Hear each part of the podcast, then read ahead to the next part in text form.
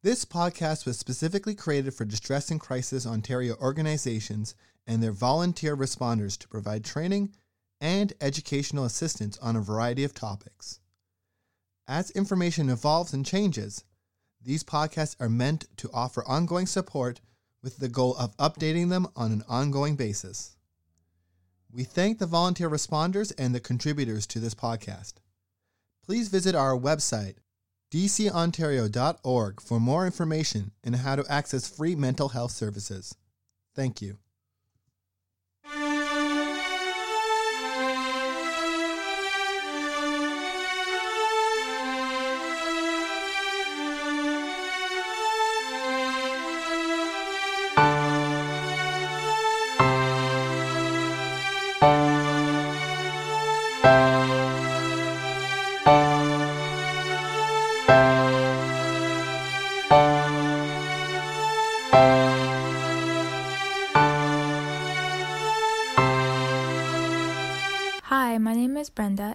To this week's episode. I'm currently a BSW student completing my placement at Distress and Crisis Ontario. In this week's episode, I interviewed Caitlin, who shares her experience of parenting through the pandemic. Enjoy! Good morning, Caitlin. Thank you so much for taking time out of your day to come and talk to me. How are you doing today? I'm well, thank you. How are you? I'm doing well, also, thanks. So, can you please tell us about yourself? Yes, so my name is Caitlin. I am uh, 28 years old. I currently work two part time jobs, uh, but I'm on maternity leave from one and just kind of started training for the other. Uh, I'm on maternity leave from PSW work, and I'm starting to work with Distress and Crisis Ontario in an administrative position, which is lots of fun. And I have two children um, a 10 year old daughter and a seven month old son. Oh, nice. That's a really big age gap. So, how is it difficult to manage the two? Um, yes, sometimes in terms of how different their needs are. Mm-hmm. Um, yeah, and obviously the seven month old needs me slightly more than the 10 year old does, but Yeah. sometimes the 10 year old struggles with that. Uh huh. Um, yes, but we're, we're still figuring it out and we're, we're finding the balance. Okay, that's good. Uh, do you have help with uh, taking care of your children? I do. We actually share a home with my parents, Uh-huh. um, and they they do both work full time. So it's Mhm. kind of like a traditional one parent home, other parent working relationship. But they Mhm. do help out when they can when uh, they are home. Oh, that's good because I know that a, that kids can be lots of fun, but a handful also. Yes. Mhm. so, how has COVID impacted your parenting? um, in some ways, it's impacted it tremendously, and in other ways, it hasn't made much of a difference. Mhm. Uh, for my seven month old, I think it's probably made actually the biggest difference. Mhm. um, because none of the usual options in terms of socializing him as a baby and having him meet new people and having him Mhm. get used to not always having me around and all these things Yeah. I haven't been able to accomplish Mhm. with the pandemic. Um, there's no mom and baby groups. There's no, Mm. um, yeah, not even really going to visit family these Mhm. days with how uh, the pandemic has affected everything Mhm. um, yeah, so he's got some he's got some attachment issues, which will take some time to figure out, I think. But I also know that I'm not the only one going through this, and yeah, hopefully when we're able to get supports, they will be in place. Mhm. Um, and then with the ten year old, our biggest battle is boredom. Yeah. Um, yeah, she's just tired of being home all the time, which is totally, totally fair. We all are. Um, yeah, so there's a lot of coaching and trying to remind her, hey, like, Mhm. yes, we're stuck at home again, but we have a house full of things that we can do. We have puzzles, we have games, you have Yeah. crafts, and all these things. So it's just, yeah, kind of trying to encourage her to use her imagination a little bit more, but also completely understanding, hey, I'm really tired of being home all the time too. Mhm. So, yeah. Yeah, that's so true because I remember that a lot of my childhood involved going outside to play with my friends. So there wasn't really time to get bored, but I can see how it could be really difficult having to be stuck in the same place all day without being able to go out with people. Yeah, mm-hmm. she does get a little bit of change in routine. Um, okay. Her dad and I have a 50 50 split custody okay. arrangement. Mm-hmm. Um, so she does at least kind of get to switch houses every okay. other week. So she's getting a little bit of a change. That's good. Um, yeah, but it's still kind of yeah. She's she's just genuinely bored, which mm-hmm. is fair. Yeah, this leads into my next question. So, how are your children responding to COVID nineteen? I know that your son is just seven months old, so I think this would apply more to your daughter. Yeah, um, she's she's very tired of everything, mm-hmm. um, but also understands the importance of being safe. Yeah. Obviously, for my family, our biggest uh, priority is keeping my seven month old son healthy. Mm-hmm. It would mm-hmm. be not a fun thing for him to catch COVID. Mm-hmm. Um, and in her other side of the family, her grandparents actually own and operate a retirement home. Okay. Um, so they are very aware and very careful of like ensuring the safety of all of their residents. Mm-hmm. Um, so she very clearly understands why things need to be the way that they are. But she mm-hmm. is still only 10, yeah. and it is obviously it's hard for adults. Like mm-hmm. we're struggling with it. We're entering pandemic burnout. Yeah. Like she just wants it to be done. Mm-hmm.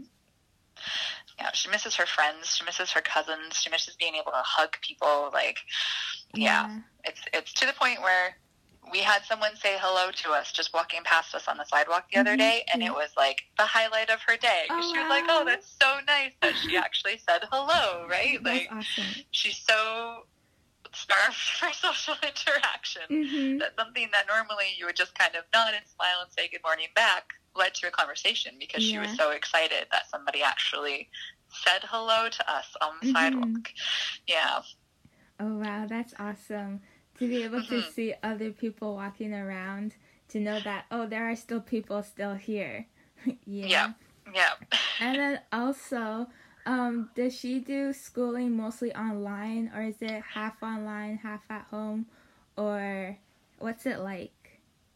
So she was doing school in person. Um, mm-hmm. Um, she goes to school in Guelph, uh, okay. which her school specifically has not had any cases of COVID 19 at all, which okay. is pretty incredible. Mm-hmm. Um, but right now, everybody is doing school online from home, okay. um, which has been a little bit challenging yeah. with a seven month old as well. Mm-hmm. Um, it's very hard to keep him quiet when she's in the middle of doing work. so it's kind of, yeah, mm-hmm. which her teacher and her classmates all know that she has a baby brother. Like okay. if they hear baby noise in the background, mm-hmm. they know that it's Theo. Um, but it kind of, it is more difficult for me as a mm-hmm. mom to be like, I'm so sorry. Yeah. yeah. Mm-hmm. Um, oh, sorry. You could go ahead. No, uh, she hates it though. She absolutely oh. hates online school. Yeah, okay. she doesn't like having to stare at a screen all day. She doesn't mm-hmm. like not being able to see her friends, and and it's just she typically loves school. She loves the social part of it. She loves mm-hmm. learning new things. She loves being able to actually like be in class and interact with her teachers and and have that experience of yeah. school. So mm-hmm. having to do it all through a screen, she's mm-hmm. she's yeah really struggling with it. Yeah, because I know like a like another big part of learning was for me was being able to touch and interact with the things we were working with. And also yeah having your friends to help you along the way in person was a lot of help. So i could see how that would not be much of a fun experience. Yeah. Mm-hmm. so how was your experience helping your daughter out in school in general like with the learning part and getting the homework done? Yeah it's a little bit it's kind of a little bit more challenging than I expected it to be because my daughter does French immersion, oh. uh, and I do not speak French as well as I should. Mm-hmm. Um, so sometimes there are cases where she's trying to ask me for help, even if it's just with a math question, yeah. and I understand the math. Mm-hmm. It takes me just that little bit longer to understand the language that's being asked in, yeah. uh, which just kind of increases the time needed to actually be able to help her. Mm-hmm. So we always get there. We always figure it out. And she's at this point pretty good at translating things for me. Okay, um, but yeah, it adds kind of an extra level. But she, that's the one thing that she is kind of grateful at being home. Mm-hmm. Like for is that she can come to me right away if she doesn't yeah. understand something, mm-hmm. and maybe her teacher is busy helping somebody else on the computer, and she's got kind of that extra level of support Yeah. right away. It's not like at the end of the day she has to be like, oh, let me remember this thing that I struggled with today. It's Mhm. right away. We can talk about it, um, which has been cool too. Yeah. Oh, that's good. Yeah, I also did French immersion, and it is hard learning like different subjects in it. Um, Mhm. Also, do the teachers offer like extra help online? Because for me, learning French in person was a lot better than learning it online. So, is there like extra help? Like if Um, the child needs it from the teacher? So, what it seems like they're doing is the teacher will put up kind of all of the work for the day, Mm-hmm. and then Ren's teacher, at least, stays online the entire day. They have Okay. two little lunch breaks, Mhm. and then other than that, her teacher is constantly in video chat offering support as they need it. Okay. Speaking of, No worries. she just needed to figure out how to do a video chat with a friend separately to do a project. Yeah. Oh, nice. I just had to remember what we were actually talking about for a second there. Oh, you were Yeah, talking so about the- the structure of your daughter's day online. Pardon? Sorry? I believe you were talking about the structure of your daughter's day online with the teacher being able to help. Yeah. hmm Yeah.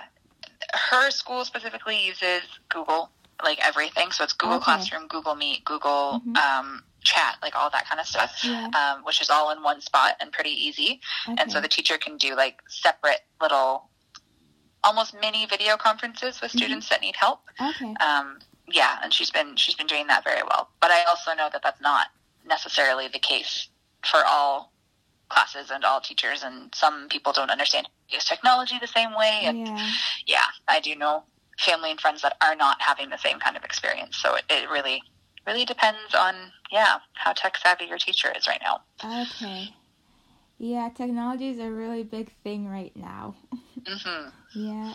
And so, with all the help that you're giving to your children, do you have time for yourself? Do you practice self care? If so, what do you do? Uh, I am not always the best at practicing self care. I am Mhm. somebody that definitely tries to make sure that everybody else is looked after before I take a minute for myself. hmm Um, but I have been doing pretty well, uh, especially on the weeks when I also don't have my daughter. hmm I will try to set up some time with um, my son's other grandparents Okay. uh, to go and have a visit and just drop him off with them for a little while. Mhm. And even if all I manage to do is go for a half hour long walk by Mhm. myself, it can sometimes be exactly what I need just to hmm refresh myself and regenerate and yeah, be able to get through the next week. Uh, yeah, and I do a lot of reading. Do a lot of reading in my quiet moments. Yeah. Oh, nice. And do you have any advice you'd like to share? I think everyone probably has already learned this, but the biggest piece of advice that I can share right now is just to have patience with Mhm. everybody, Yeah. especially because you don't necessarily know what struggles people are going through uh, Mhm. with things like maybe they had a really bad day with online learning because their internet went out or that Yeah. kind of thing, right? Like Mhm. all these things that normally aren't necessarily big problems can become big problems these days. And yeah, just patience. Patience with children who are struggling through all of these crazy, crazy changes in their lives. patience with parents who are trying to figure out on their own how to help their kids through these things. And yeah, just lots of patience.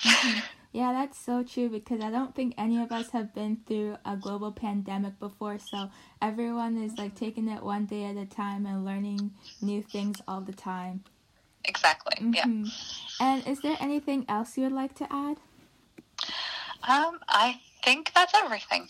Okay, awesome. Thank you Yeah. so much for sharing your perspective with me. I'm not a parent yet, so I can't. It's hu- I don't really know what parents are going through right now. So yes, thank you for sharing your side of things. Of course. Thank you for having me. Awesome. Have a great rest of your day. Thank you. You too, Brenda. Thanks. Hi, I'm Damien, one of the editors of the DCO Learning Forums podcast. Over the past year, we've been busy converting our Learning Forums series of videos into podcasts and thinking of new ways to continue delivering new and more in depth content. We've seen the demand, and we're announcing our move to Pinecast and our new tip jar function. Please consider going to tips.pinecast.com slash jar slash Distress and Crisis Ontario and donating. And in return, we'll be recording new follow up episodes on some of our most popular topics. These will be accessible for tippers only and will help pay for travel, web hosting, etc. For the interim, you'll still be able to access existing content on both on both the Pinecast and Fireside feeds for free, but eventually we'll be making the switch to Pinecast. Thank you for your understanding.